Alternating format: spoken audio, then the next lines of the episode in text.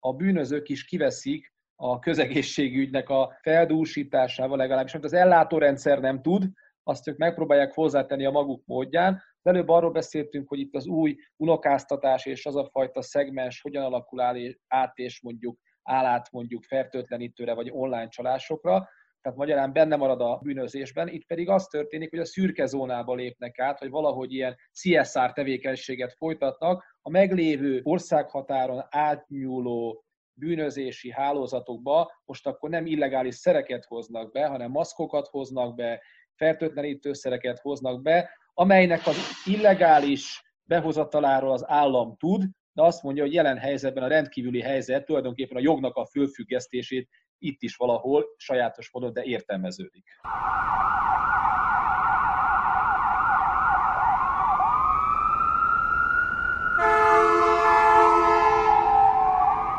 Sziasztok, ez a Tango és Kes, a 24.hu bűnügyi podcastja. Kezdenénk egy szolgálati közleménnyel. A következő időszakban szombatonként fogtok velünk találkozni, még például minden szombaton. A koronavírus járvány következtében kicsit doboz hangunk lesz a következő időszakban, hiszen fizikailag távol vagyok a szépen Ferencvárosban üldögélő Bezsenyi Tamástól, aki a műsornak a tartalmi súlya része eleme. Szervusz Tamás, köszöntelek! Szervusz Balázs! Mint a tartalmi súly második felét szeretnélek köszönteni, mert a Livikók a kiegyenlített, még a Szent István Park szívében is. Tamás, nem egymásra beszélünk telefonon, tehát vannak hallgatók is, hogyha őket is köszöntöd, az is jó. Természetesen annak is örülök, ha mindenki magára zárta az ajtót és az ablakot, ahogy Nagybandó András mondta ugye a 80-as években egy rádió kabaréban, hogy mi a legbiztosabb megoldás a betörési ellen, hogyha befalazzuk az ajtót és az ablakot. Remélhetőleg mindenki mindenki ugyanígy reagált erre a helyzetre is. Rá is fordultál arra a kérdésre, hogy vajon a koronavírus járvány idején, amikor az emberek a maradj otthon jegyében, legalábbis reméljük, fogadják a parancsolatot, akkor a betörőkre rossz idők járhatnak, hiszen a helyek, amiket ők befoglalnának, azok képességgel rendetetésszerűen történik azoknak a használata, mármint hogy otthon vannak a lakók. Mi történik a bűnügyi szektorban, a bűnözők körében egy ilyen koronavírus járvány idején mi történhet,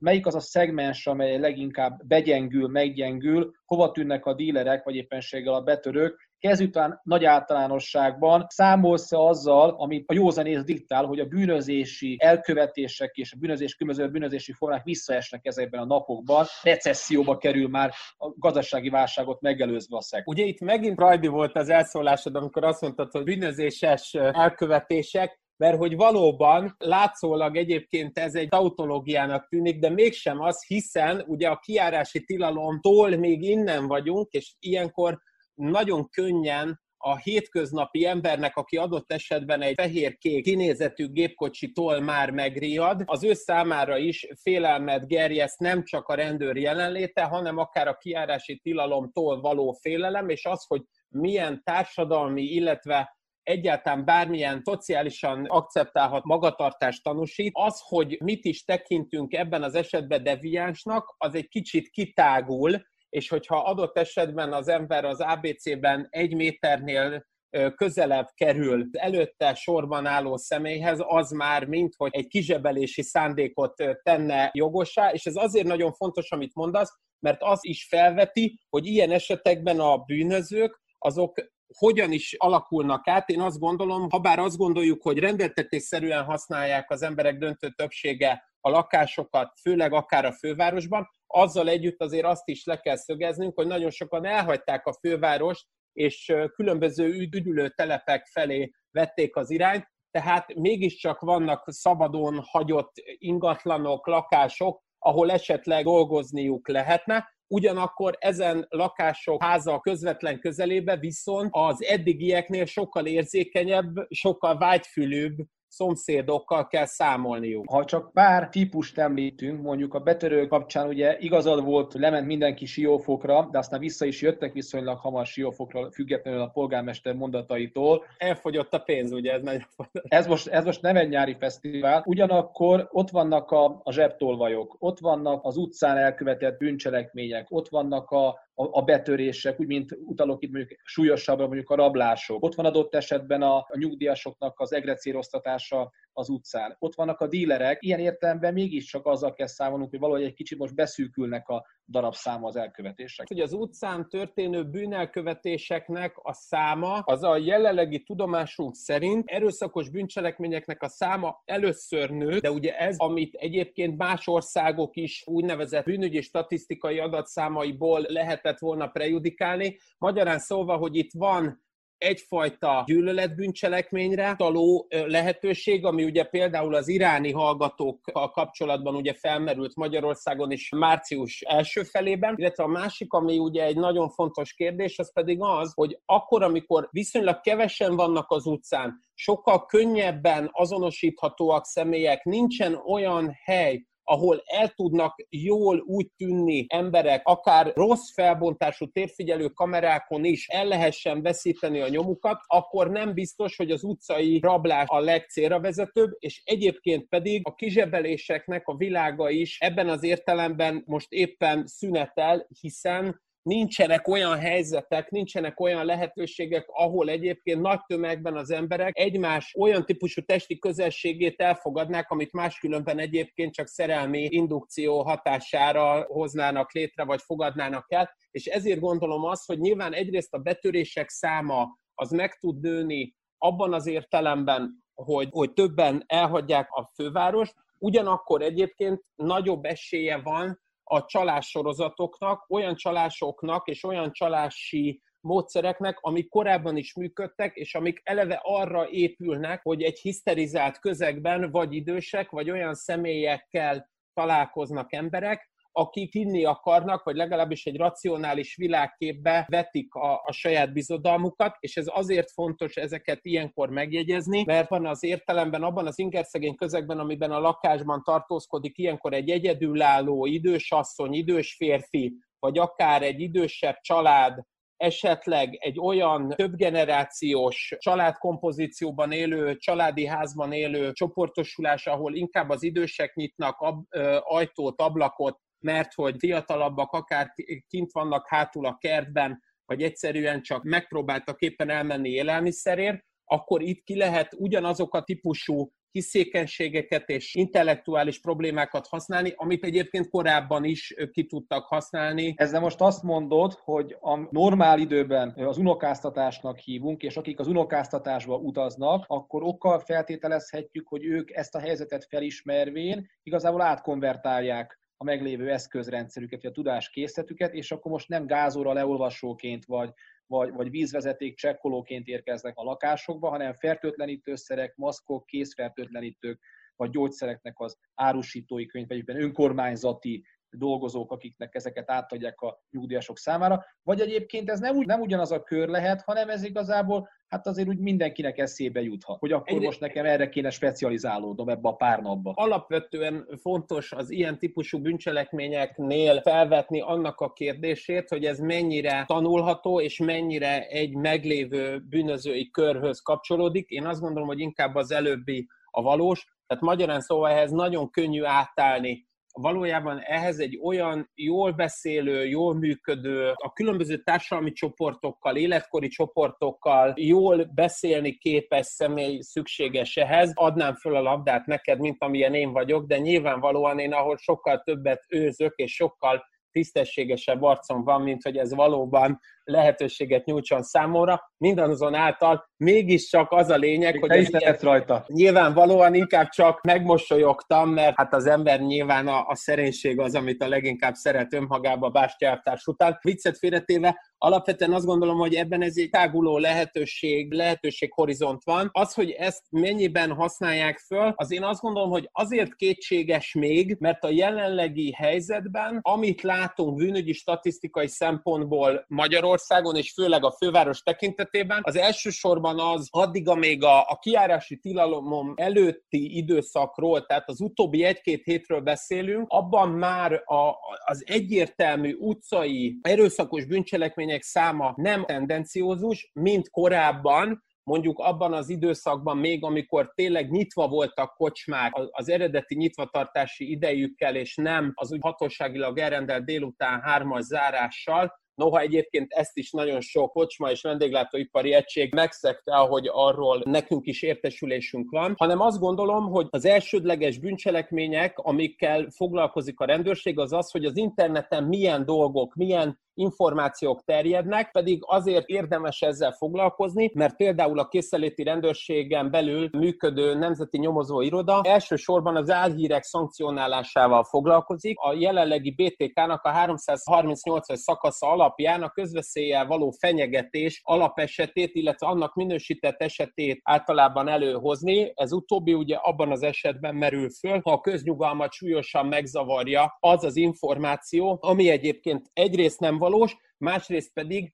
kattintásbarát, tehát igazából hirdetési pénzeket hoz. Az pedig, hogy erre egyébként a magyar rendőrségnek egy kiemelt szervezete ilyen élénken reagál, az nyilvánvalóan köznyugalom fenntartása érdekében történik, tehát lényegében annak a, a biztosítása érdekében, hogy ne lehessen társadalmi pánikot, információ hiányos helyzetet, egyfajta ilyen Tomás tétel, lényegében egy önbeteljesítő jóslatot eredményezni, tehát hogy nem valósul meg az, amiről beszélünk, ez a Tomás tétel, de ahogy beszélünk róla, úgy előidézzük, ugye erről Prince Gábor a Postabank majdnem csődbe menetele kapcsán tudna beszélni, tehát amikor nem volt csődközeli állapot, de mivel mindenki elfogadta és kivették a kisbetétesek, valóban csődközeli állapotba került maga a bank, Ugyanez a helyzet itt ezekkel a bűncselekményekkel, illetve pontosabban ezekkel a büntető járásokkal a magyar hatóság ezt próbálja megelőzni. Az, hogy egyébként itt betörések vannak, illetve ilyen típusú csalások, azoknál nagyon fontos a látenciával dolgozni az előbbihez képest, hiszen egy ilyen betörés esetén, ha mondjuk valaki lement két hétre, három hétre, egyébként be is vásárolt hozzá, és lement Balaton akaratjára, és majd csak április elején fog hazatérni, akkor nagyon kis eséllyel lehet őt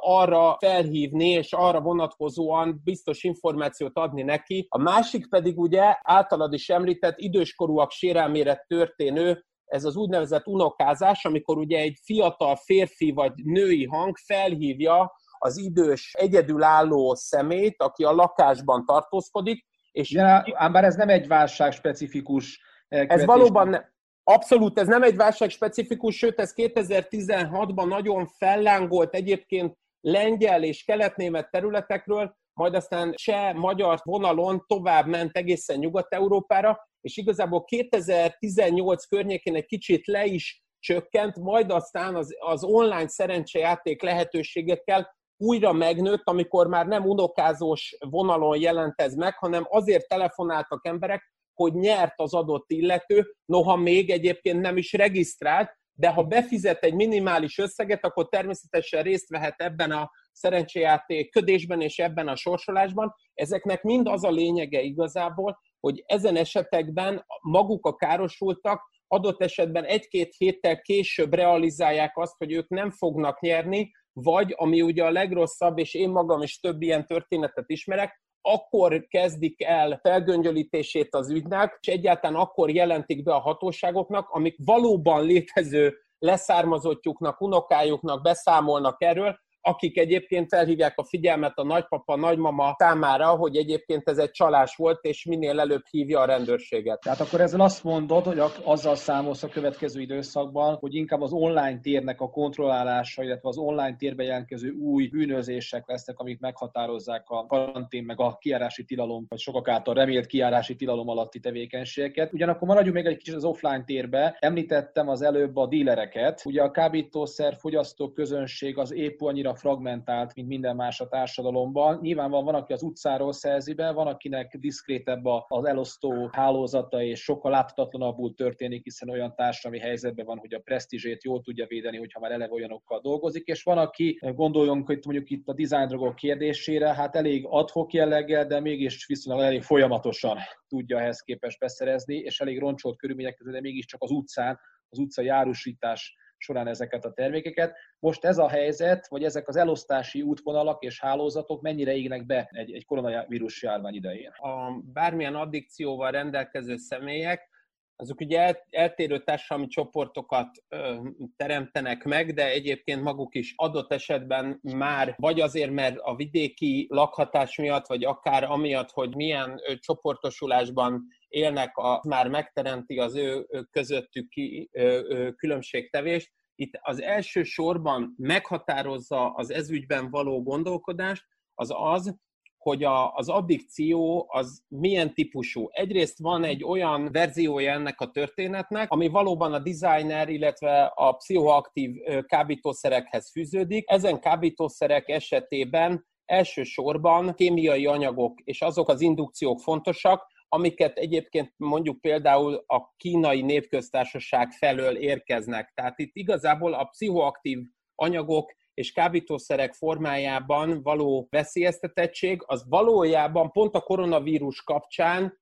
csökken, olyan értelemben, hogy sokkal nehezebb ezen anyagok egy részéhez hozzájutni, még akkor is, hogyha egyébként az úgynevezett prekurzor anyagok, amikből ugye ezeket a kábítószereket elő lehet állítani, vagy akár az olyan vaporizátor eszközök, amivel magát egyébként a marihuánát el tudják szívni, hiszen... Egy pillanat, ennél az ebrán egy picit álljunk meg, tehát hogyha azt mondod, hogy a, a pszichoaktív szerek amelyek leginkább Kínából ugye érkeznek, függőknek az alsó társadalmi szegmensét célozzák, akkor a koronavírus járvány idején számolhatunk azzal, hogy leginkább a pénztelen fogyasztók válnak áldozatává, és most nem reklámot csinálunk a kábítószérnek, senki nem ért bennünket félre, de a szernek a hiányának egy olyan helyzetben, amikor maga a közegészségügyi ellátás sem az ő kontrollrája van elsősorban ráállítva, vagy legalábbis közegészségügyi területen az addiktológiai szakellátás valószínű a járványnak köszönhetően erősen üzele, üzemel, szünetel, bocsánat,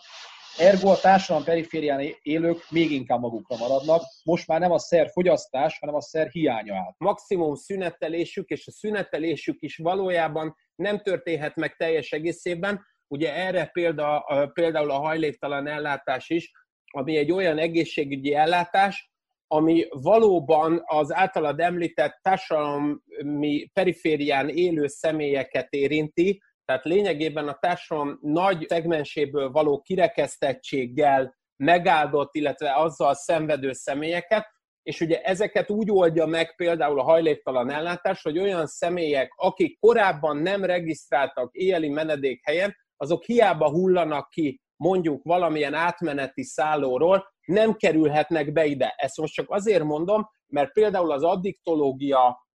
ellátási területén, ugye ez főleg a fővárosban egyrészt rendkívül szűk, ennek ugye a legnagyobb felvevő piaca egészségügyi szempontból az egyértelműen a Nyírő Gyula kórház. Na most itt például nem lehet azt mondani, és ebben az esetben nem lehet azzal érvelni, ezt a tevékenységet, azt, azt meg lehetne oldani anélkül, hogy, tehát anélkül, hogy ez valódi és jelentőségteljes problémát, illetve hiányt ne generáljon. Magyarán szólva, folyamatos mértékben jelennek meg újabb ilyen betegek, akiket viszont nem tud ellátni az a szervezet, az az egészségügyi szervezet, akik eladdig ilyen személyeknek a befogadásával foglalkoztak, hiszen ahogy kipörög, ahogy nem tud visszajönni akár egy-két napos, vagy akár csak egy félnapos kimenőről, már nem tud vele foglalkozni. És az, amit te mondasz, az nem csak azzal függ össze, hogy egyébként Kínából és Dél-Kelet-Ázsiából különböző pszichoaktív szereknek a prekurzor anyagai ezen országokból származik, és egyébként a dél-kelet-ázsiai tengeren keresztül Olaszország, vagy akár a szlovéniai Koper kikötőjén keresztül érkezik be Magyarországba. Tehát nem csak az a kérdés, hogy mondjuk a heroin helyett milyen fentanil anyagokkal működő kábítószerektől lesznek ők függők, és ezeknek a hiányát milyen módon élik meg, hanem az igazi kérdés az, hogy ezek az egészségügyi ellátó szervezetek nem képesek őket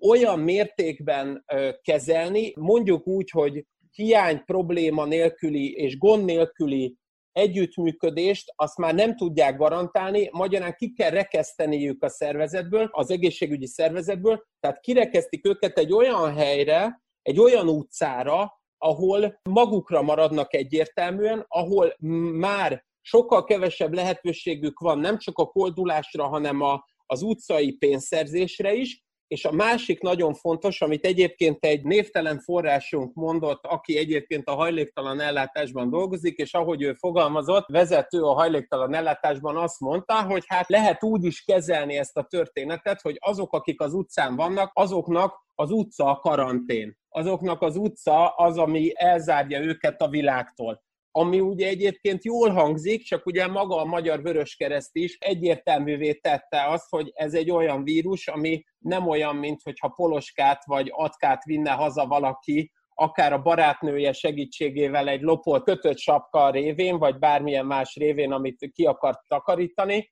hanem ez egy olyan típusú vírus, amiben kint is marad az adott potenciális beteg, akkor az nem oldja meg a helyzetét, és ugye hmm. ebben az esetben igazából egy olyan ingerszegény közegbe kerül, ahol vagy agresszívvé tud válni, vagy valójában a halálhoz sokkal közelebb, a, a tényleges biológiai halálhoz sokkal közelebbi helyzetbe. Mi van azokkal a hálózatokkal, amelynek a tagjai ilyen Bret Easton Ellis regényekben képzelik magukat, tehát egy társadalmi státuszban, más szerhasználókról beszélünk, és más típusú láncolatról beszélünk, azok egy ilyen helyzetben hozzáférnek, forron tudják-e tartani a hálózatukat, vagy ha ez a szektor épp úgy sínli ezt a, ezt a krízist, mint egyébként adott esetben, ha mélységét és következményeit tekintve nem is összemérhetően, de az előbb említett szegmens. Pont egy ilyen Bret Easton Ellis-es amerikai pszichós történetben az eddig meglévő lehetőségek és az eddig meglévő irányok, az, azok egyáltalán mennyire tarthatóak egy-két, három, négy hét után. Hiszen itt ugye az a probléma, hogy egy ideig ezek a csoportok ugye saját maguk számára megpróbálnak felzárkózni a lehetőségekhez, csak ugye itt megint az a, a kérdés, és azért fontos ezt tisztázni, mert az például, hogy Kínában elindult a, a, a járvány, azt mi Magyarországon nem értjük teljes egészében, én azt gondolom, és egy kicsit olyan, mint ahogy a, az I. és Gyula vitatkozott a Hofi Gézával, hogy azt mondta I. és Gyula, hogy hát ez egy szélvédett ország, mire Hofi mondta, hogy oké, okay, de a büdös is tovább megmarad. Ugyanebben az értelemben lehet azt mondani, hogy azzal, hogy Kínából sokkal nehezebb volt exportálni hamis márkájú ruhadarabokat és ruhakiegészítőket, illetve prekurzorokat kábítószerekhez, vagy akár kábítószer felhasználáshoz eszközöket, az egyébként drasztikus hatással volt mexikói karteleknek a lehetőségeire, piacára is. Na most, ha ez igaz, akkor az nagyon fontos leszögezni, hogy egy ilyen összerántott falu esetében az általad említett Bret Easton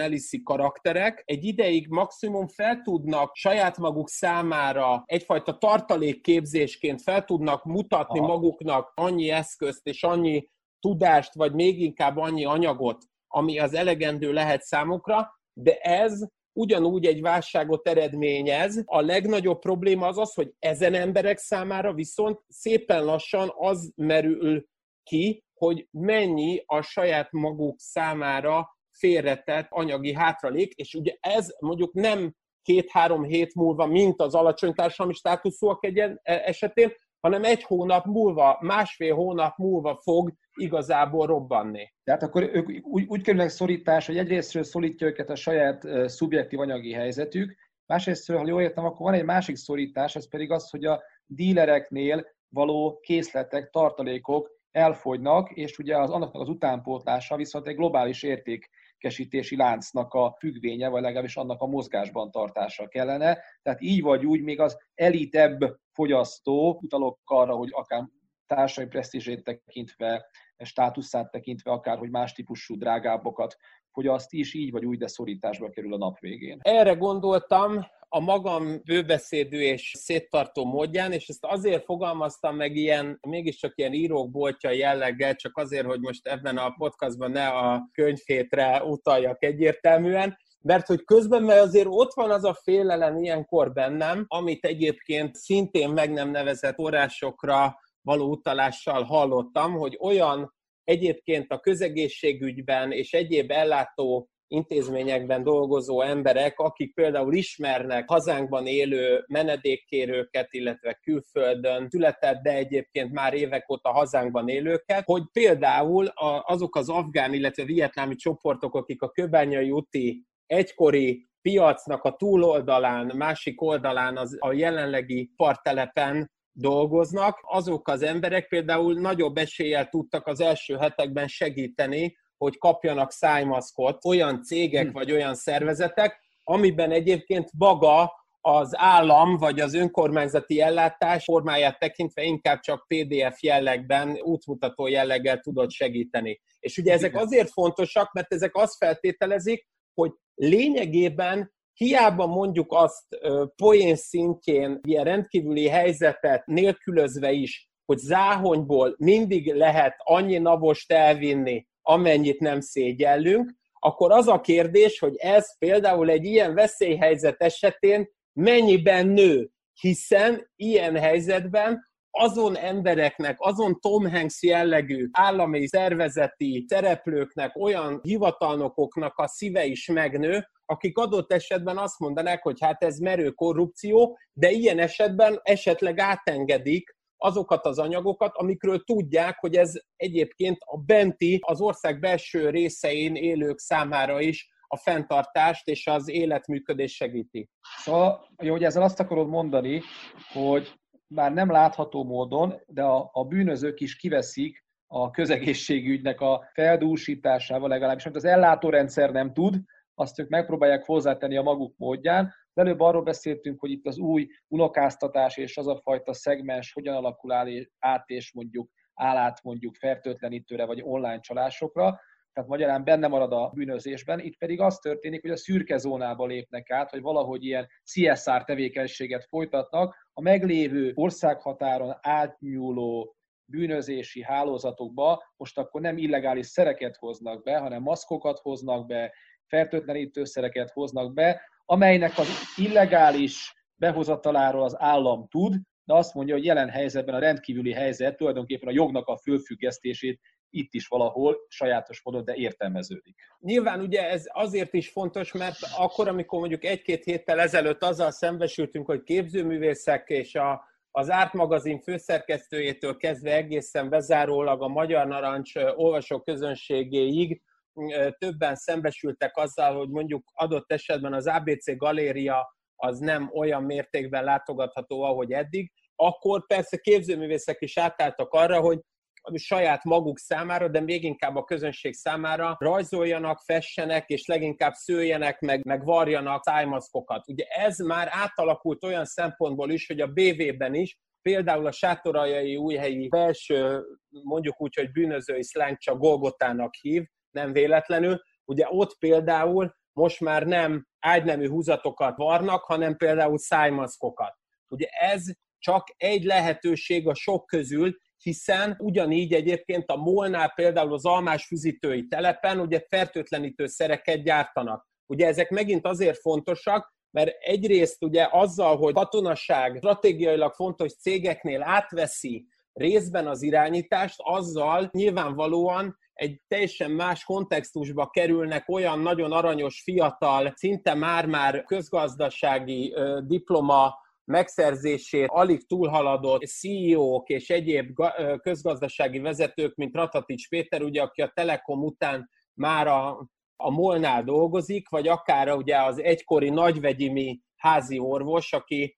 ma már egyébként országos tiszti főorvos Müller Cecília, ugye a nagyvegyimi házi orvosunk is lényegében a nagysztalintól a naftalinig eljut, tehát lényegében egy olyan típusú helyzetbe kerülünk, mint amit a rejtő Jenő mondott, ha már nagy, nagy vegyim, akkor érdemes a nagy Levint fölhozni, aki az a szakács volt, akit sose láttunk egyébként főzni, de mindenki tudta, hogy nagyon nagy kulináris élvezetekkel tud eredményezni. Ez megint csak azért mondom, mert itt ugye megint a Duma része az, ami erős, és megint ugye a dumába megy, és megint megy a, a gőz, ami nem a tevékenység, tehát nem a turbinába, hanem a dudába megy a gőz, és ugye így megint nagy elméletek vannak ezzel kapcsolatban, miközben az, hogy konkrétan mi az, ami ezen esetekben, és ilyen konkrét a, a bűncselekményt is felvető problematikákat ugye hogyan tudja kiegyensúlyozni, az nem derül ki, illetve erre nincsen lehetőség. Tehát magyarán szóval az, hogy például a gazdasági versenyhivatal arra akarja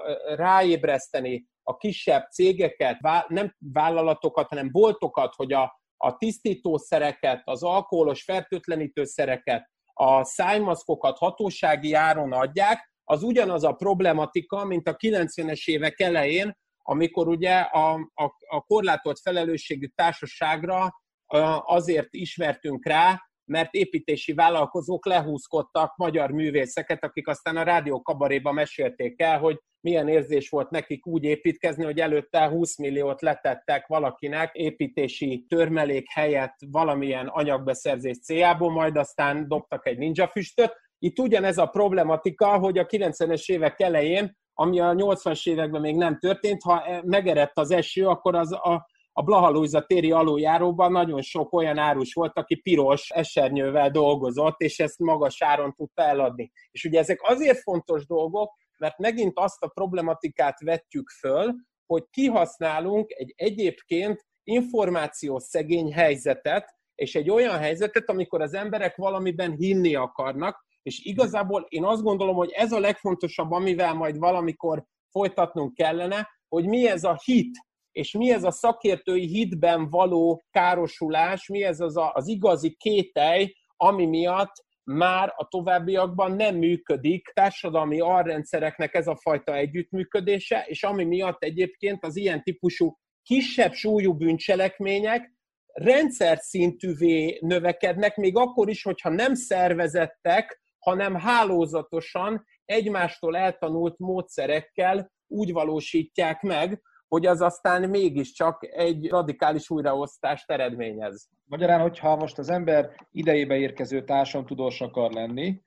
tehát akkor az annyit tesz, hogy amit most látunk, ilyen egyszeri vagy akut válságkezelésnek tekinthető szürkezónás tevékenységeket, azokra érdemes már most úgy, akár kutatóként, akár majd későbbi bűnelkövetéseket felderítőként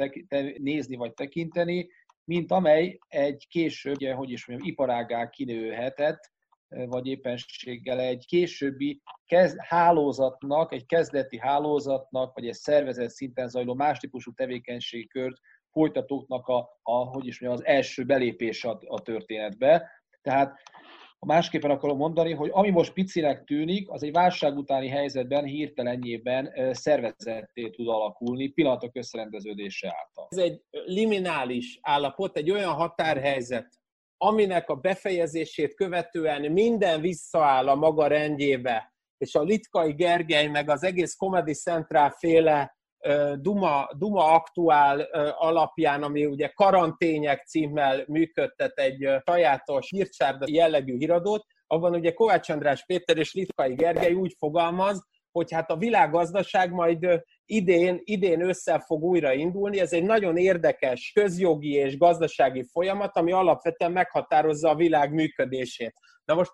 ennek a, ennek a, a teljesen abszurd kis és askabar és poénnak a, a valódi jellegét, az pontosan az ölti meg, hogy, és a, a te kérdésedben is inkább az a, a legfontosabb, hogy átalakítja-e valóban a beszélgetésünk tárgyát, a bűnözést, ez, uh-huh. ahogy mi egyébként a, erről a koronavírusról beszélünk, mert egy valamiről nem szabad elfeledkezni, hogy még a, a mi időszakunk, a mi korosztályunk nagymamái sem ismertek olyan ö, helyzetet, ö, olyan ö, mint amilyen a spanyol nátha volt, ahol egyébként az olimpiát elhalasztják, ahol egyébként valójában olyan kiárási tilalmak vannak különböző európai és angol száz országokban, amiket eladdig nem ismertünk. És ha ez így van, és már pedig ugye itt van egy nagyon fontos kérdés, hogy ez mennyiben tart ki, akkor van egy nagyon-nagyon és húsba vágó kérdés,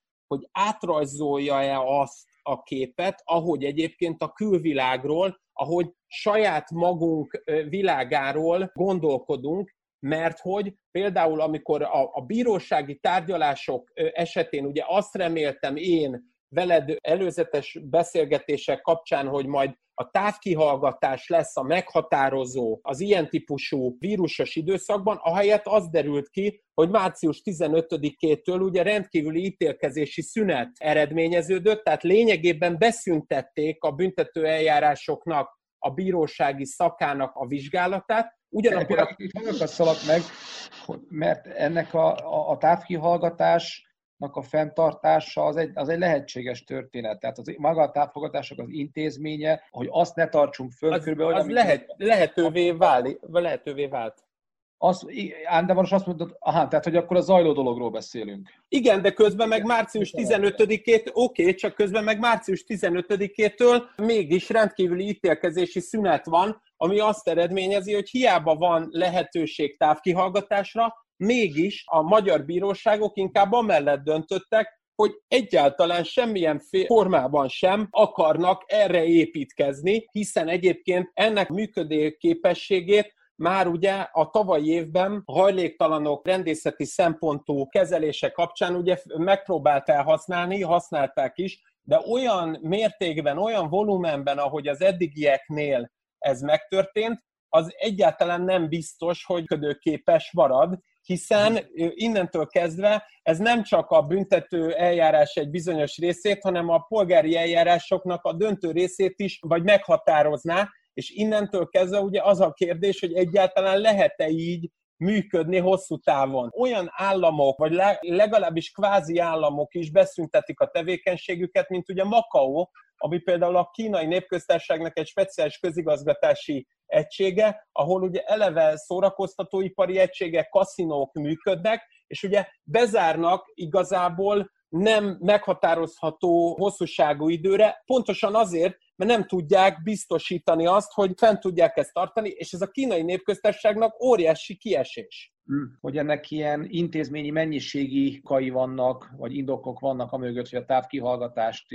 alkalmazzák. Szerintem kevesen ismerik a hallgatók közül, hogy, hogy mikor, amikor távkihallgatásról beszélünk, akkor miről is kell és hogyan is kell azt nekünk elképzelni.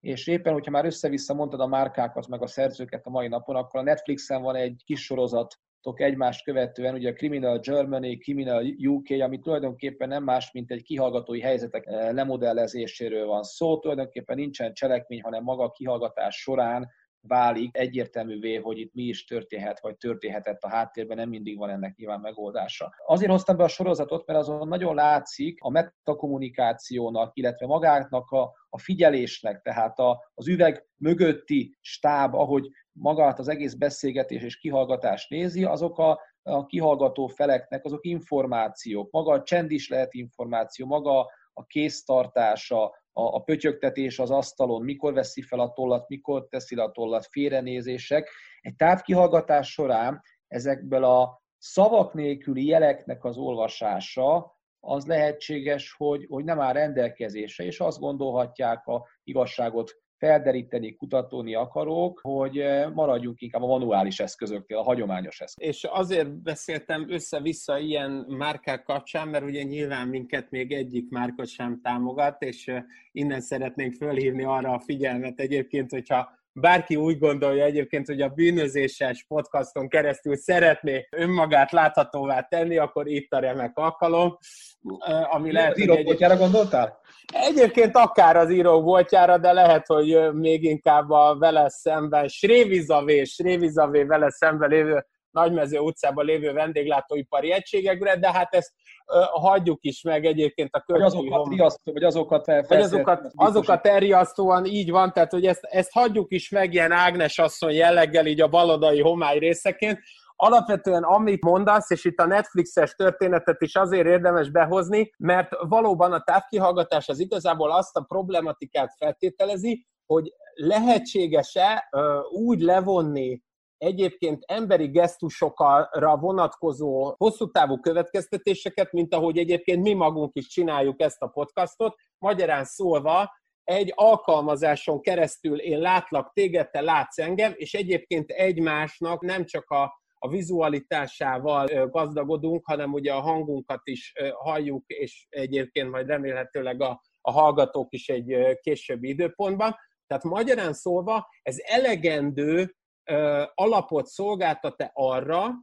hogy olyan kihallgatások történjenek, amik nem csak rekapitulálják a tanú, a gyanúsított, az áldozat, a sértett, az áldozat ugye már nyilván elhalálozott, tehát inkább a sértett részéről tényadatokat, a rekapituláción túl olyan többletjelentéseket is tudnak-e átvinni egy uh-huh. ilyen kamerán és mikrofonon keresztül, ami egyébként élőben magától értetődő, hiszen a metakommunikációt nem egy lényegében 60x120-as incses számítógép monitorán keresztül kényszerülsz megfigyelni, vagy akár az annál kisebb ablakban, hogyha nem tudod kezelni a programot, mint ahogy én. Tehát, hogy például tud e az adott rendészeti vagy igazságszolgáltatásban dolgozó szakember következtetéseket úgy levonni, hogy az egyébként más emberek életére vonatkozóan több éves, ha nem élete végéig terjedő következményekkel jár. És ez azért nagyon fontos kérdés, mert ez akkor is föl fog merülni, ha nincs koronavírus, egyrészt bűncselekmény számoknak a folyamatos növekménye ellenére, noha egyébként ugye mindig arról beszélünk, hogy egyre kevesebb van,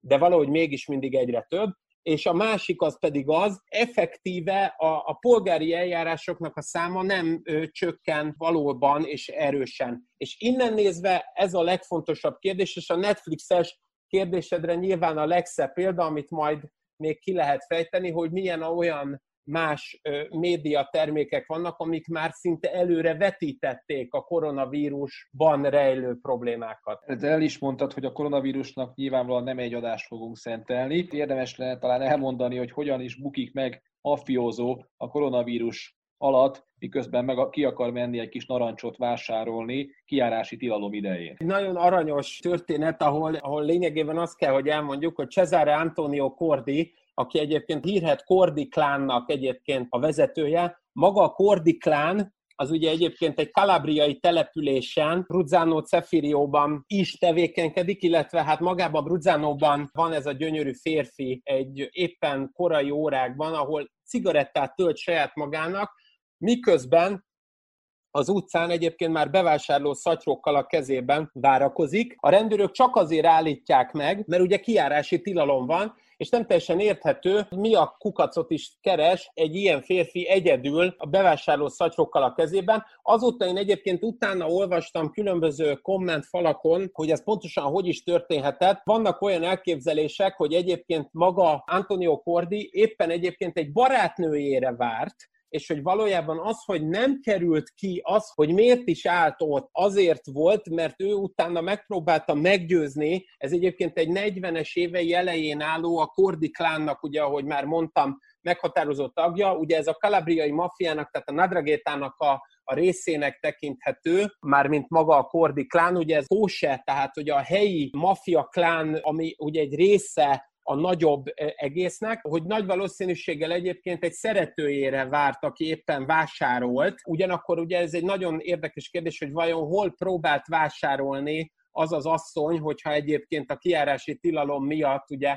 nem lehetett volna olyan nagyon könnyen bevásárló szatyrokkal várakozni. Minden esetre az a helyzet, hogy egy 40-es évei elején álló, hát lényegében többször erőszakos és főleg életellenes bűncselekmények miatt megvádolt szemét, Kordit igazoltatták, és az igazoltatás során derült egyáltalán ki az, hogy ő amúgy egyébként körözés alatt állt. Itt megint szeretném azt a problématikát... Ezért a kiárási tilalmat tényleg komolyan venni. Így van, ezért érdemes egyébként nyilvánvalóan komolyan venni, illetve hát nyilván az olaszok számára komolyan venni, mert ugye itt megint egy olyan problematika van, ami nekem például lábra jött Olaszországban, illetve Spanyolországban élő, azóta külföldre szakadt hazánk fiai, állatorvosi lónak is tekinthető fiatal barátai miatt, akik ugye nem szándékoznak visszajönni ide a magyar demokráciába, hogy ők például azt mondták nekem, hogy ott is egyébként a Madridból kispriccelt, és az olaszoknál is, Nápolyból, Rómából kispriccelt az, hogy kimentek a tengerpartra, hogy nálunk is, ugye, és így keretes szerkezettel el tudjuk mondani, hogy az elején a betörések kapcsán a Budapestről Siófokra